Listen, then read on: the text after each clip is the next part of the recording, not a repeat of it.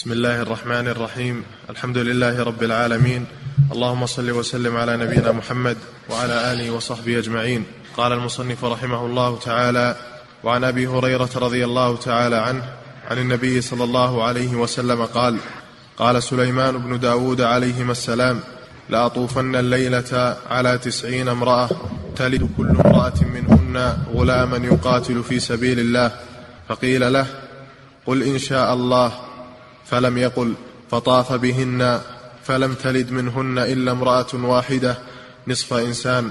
قال فقال رسول الله صلى الله عليه وسلم لو قال إن شاء الله لم يحنث وكان ذلك دركا لحاجته.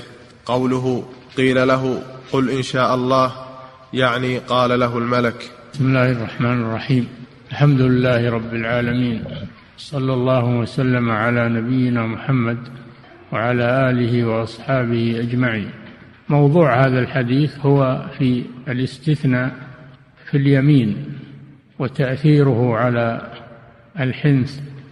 فهذا ما أخبر به النبي صلى الله عليه وسلم عن أخيه سليمان بن داود عليهما السلام.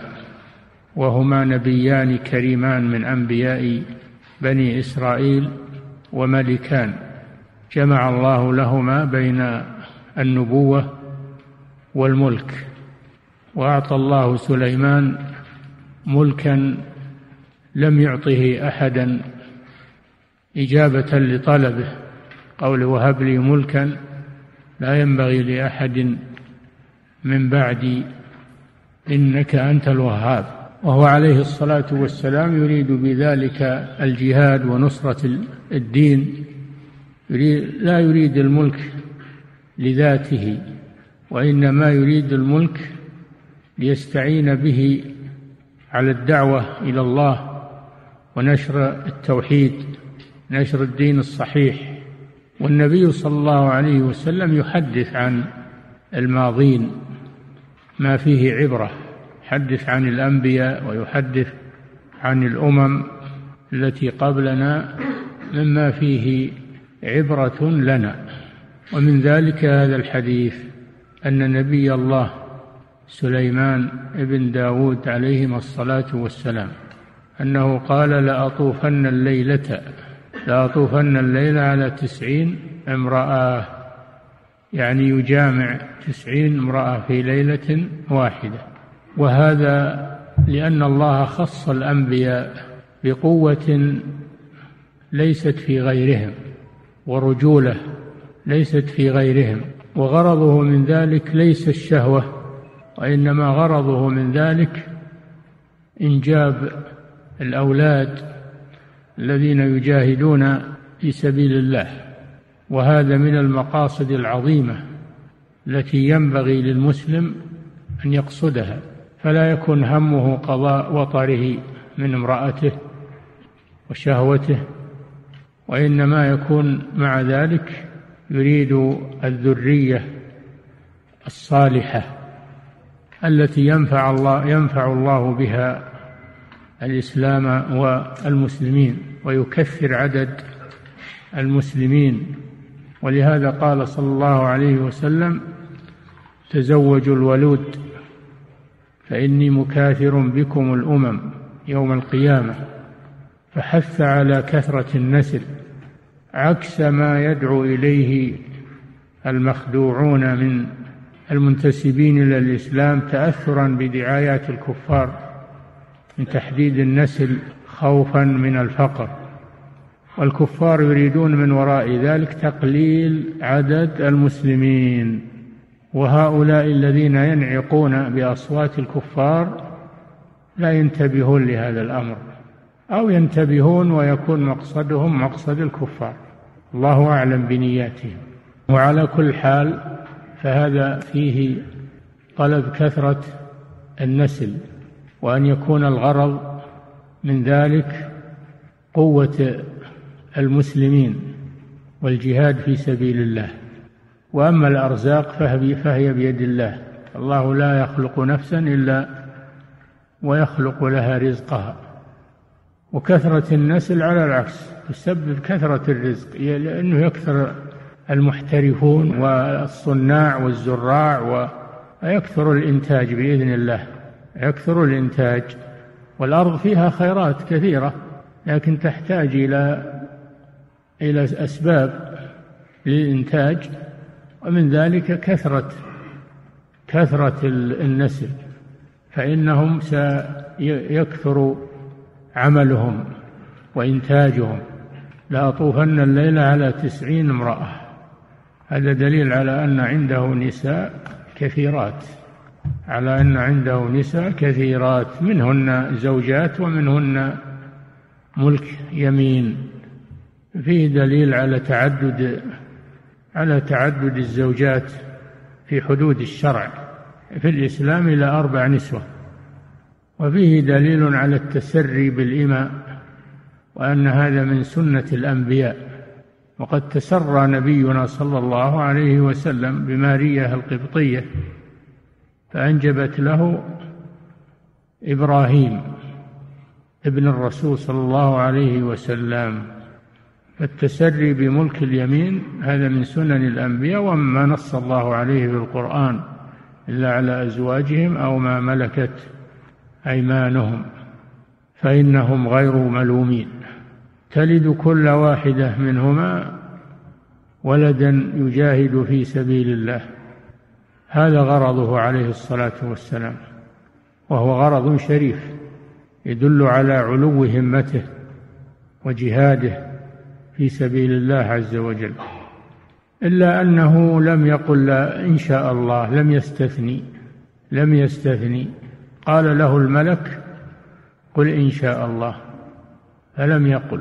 هذا دليل على أن الحالف إذا استثنى أثناء اليمين وقال إن شاء الله فإنه لا يحنث لو لم يحصل المقصود الذي حلف عليه لأنه استثنى.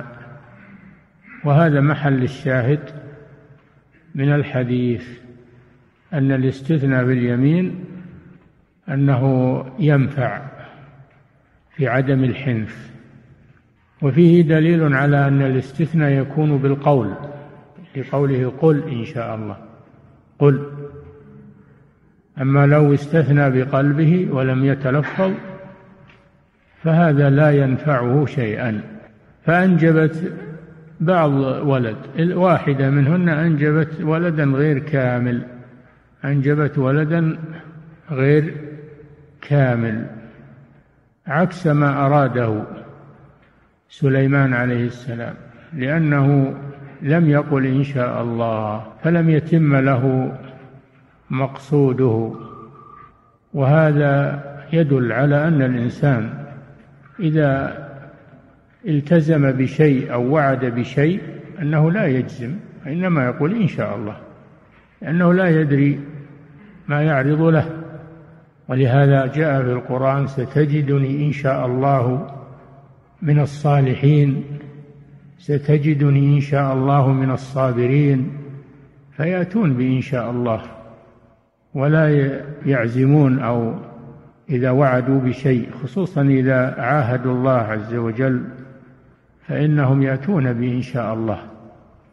من أجل أن إذا لم يتم مقصودهم فإنهم لا يكون عليهم حنثا في اليمين. وفيه مشروعية الجهاد في سبيل الله وأنها من سنن الأنبياء وأن الجهاد ليس محصورا في الإسلام وإنما هو في الشرائع السابقة. وفي هذا رد على الذين يقولون إن الإسلام دين قتل ودين سفك دماء ووحشيه إلى غير ذلك. فالجهاد في سبيل الله هو دين الأنبياء من قبل. فهذا موسى عليه السلام خرج بقومه غازيا إلى بيت المقدس تخليصه من العماليق الكفار. و هذا الملك الذي بعثه الله في بني إسرائيل لما قالوا ابعث لنا ملكا بعث الله لهم طالوت ملكا وقاتل جالوت مع قلة عدد المؤمنين وكثرة عدد الكفار فنصرهم الله على عدوهم وقتل وقتل داود جالوت. فالقتال في في سبيل الله هذا شريعة قديمة وليست في الإسلام فقط كما يدعيه هؤلاء الذين يطعنون في الإسلام ويقولون إنه دين وحشية ودين قتل ودين إلى آخره. والغرض من الجهاد ليس القتل وسفك الدماء وإنما الغرض غرض شريف وهو تخليص البشرية من العبودية لغير الله ومن الطواغيت المسيطرة عليهم تخليصهم إلى عبادة الله عز وجل وإلى زوال الطاغوتية الجبارة عليهم. فالغرض من الجهاد غرض شريف ومقصد نبيل وهو من مصلحة البشرية ومن مصلحة المقاتلين أنفسهم لأنهم يتوبون إلى الله ويتخلصون من الجبابرة ويجدون في الإسلام السعة ويجدون فيه الرحمة ويتخلصون من الكفر وعبادة غير الله والذلة والمهانة. فالاسلام فالجهاد في الإسلام رحمة من الله عز وجل غرض شريف ومقصد نبيل وليس القصد منه آه، أخذ الأموال أو سفك الدماء أو الملك نيل الملك. ومن العجيب أن هؤلاء الذين يطعنون على الإسلام بتشريعه الجهاد هم يقاتلون للإفساد الإسلام يقاتل للإصلاح. يقاتل للإصلاح ونشر العدالة والرحمة وهؤلاء يقاتلون للإفساد وسفك الدماء وخراب الديار وأخذ أخذ الثروات. ولا يستحيون حينما يتهمون الإسلام بالوحشية وسفك الدماء. والحقيقة أن سفك الدماء هو عندهم وسلب الثروات بغير حق. واستعباد الناس وإخراجهم من من من بيوتهم ودورهم وديارهم ما ينظرون إلى أفعالهم القبيحة الشنيعة فهم يقاتلون للظلم والإسلام يقاتل للعدل والرحمة. نعم. فقال رسول الله صلى الله عليه وسلم لو قال إن شاء الله لم يحنث وكان ذلك دركا لحاجته. أي نعم حصلت له حاجته. لو قال إن شاء الله فإن لم يحصل شيء لم يحنث. ولا وقد يكون يحصل له ما أراد. يحصل له ما أراد فهو بين أمرين إما أن يحصل له ما أراد وإما أن لا يحصل ولا لكنه لا يحنث ولا تلزمه كفارة. فدل على أن الإنسان إذا حلف على شيء ولم يحصل أنه تلزمه الكفارة. نعم. صلى الله إليكم سماحة الوالد. يقول السائل عندما قال سليمان عليه السلام لأطوفن اليوم بتسعين امرأة هل يدل ذلك أن أزواجه عليه السلام كن أكثر من تسعين امرأة؟ نعم يقالون أن عنده ألف امرأة منهن جواري ملك يمين ومنهن زوجات. نعم. أحسن الله إليكم سماحة الوالد يقول السائل وهذا فيه رد على الذين يطعنون على الإسلام أنه أباح تعدد الزوجات إلى أربع. هذا سليمان عليه السلام يقول لا أطوفن الليلة على تسعين امرأة وهو من أنبياء بني إسرائيل فلماذا يعيبون على الإسلام؟ دل على أن تعدد الزوجات شريعة الأنبياء عليهم الصلاة والسلام. نعم. صلى الله إليكم سماحة الوالد. يقول السائل هل يشترط الاستثناء في اليمين أن يكون الاستثناء بعد اليمين مباشرة أم أنه يصح لو حصل بينهما فاصلة بعضهم يقول لازم يكون متصل باللفظ وبعضهم يقول لا يجوز أن يكون في المجلس. إذا جاء الاستثناء في المجلس يكفي.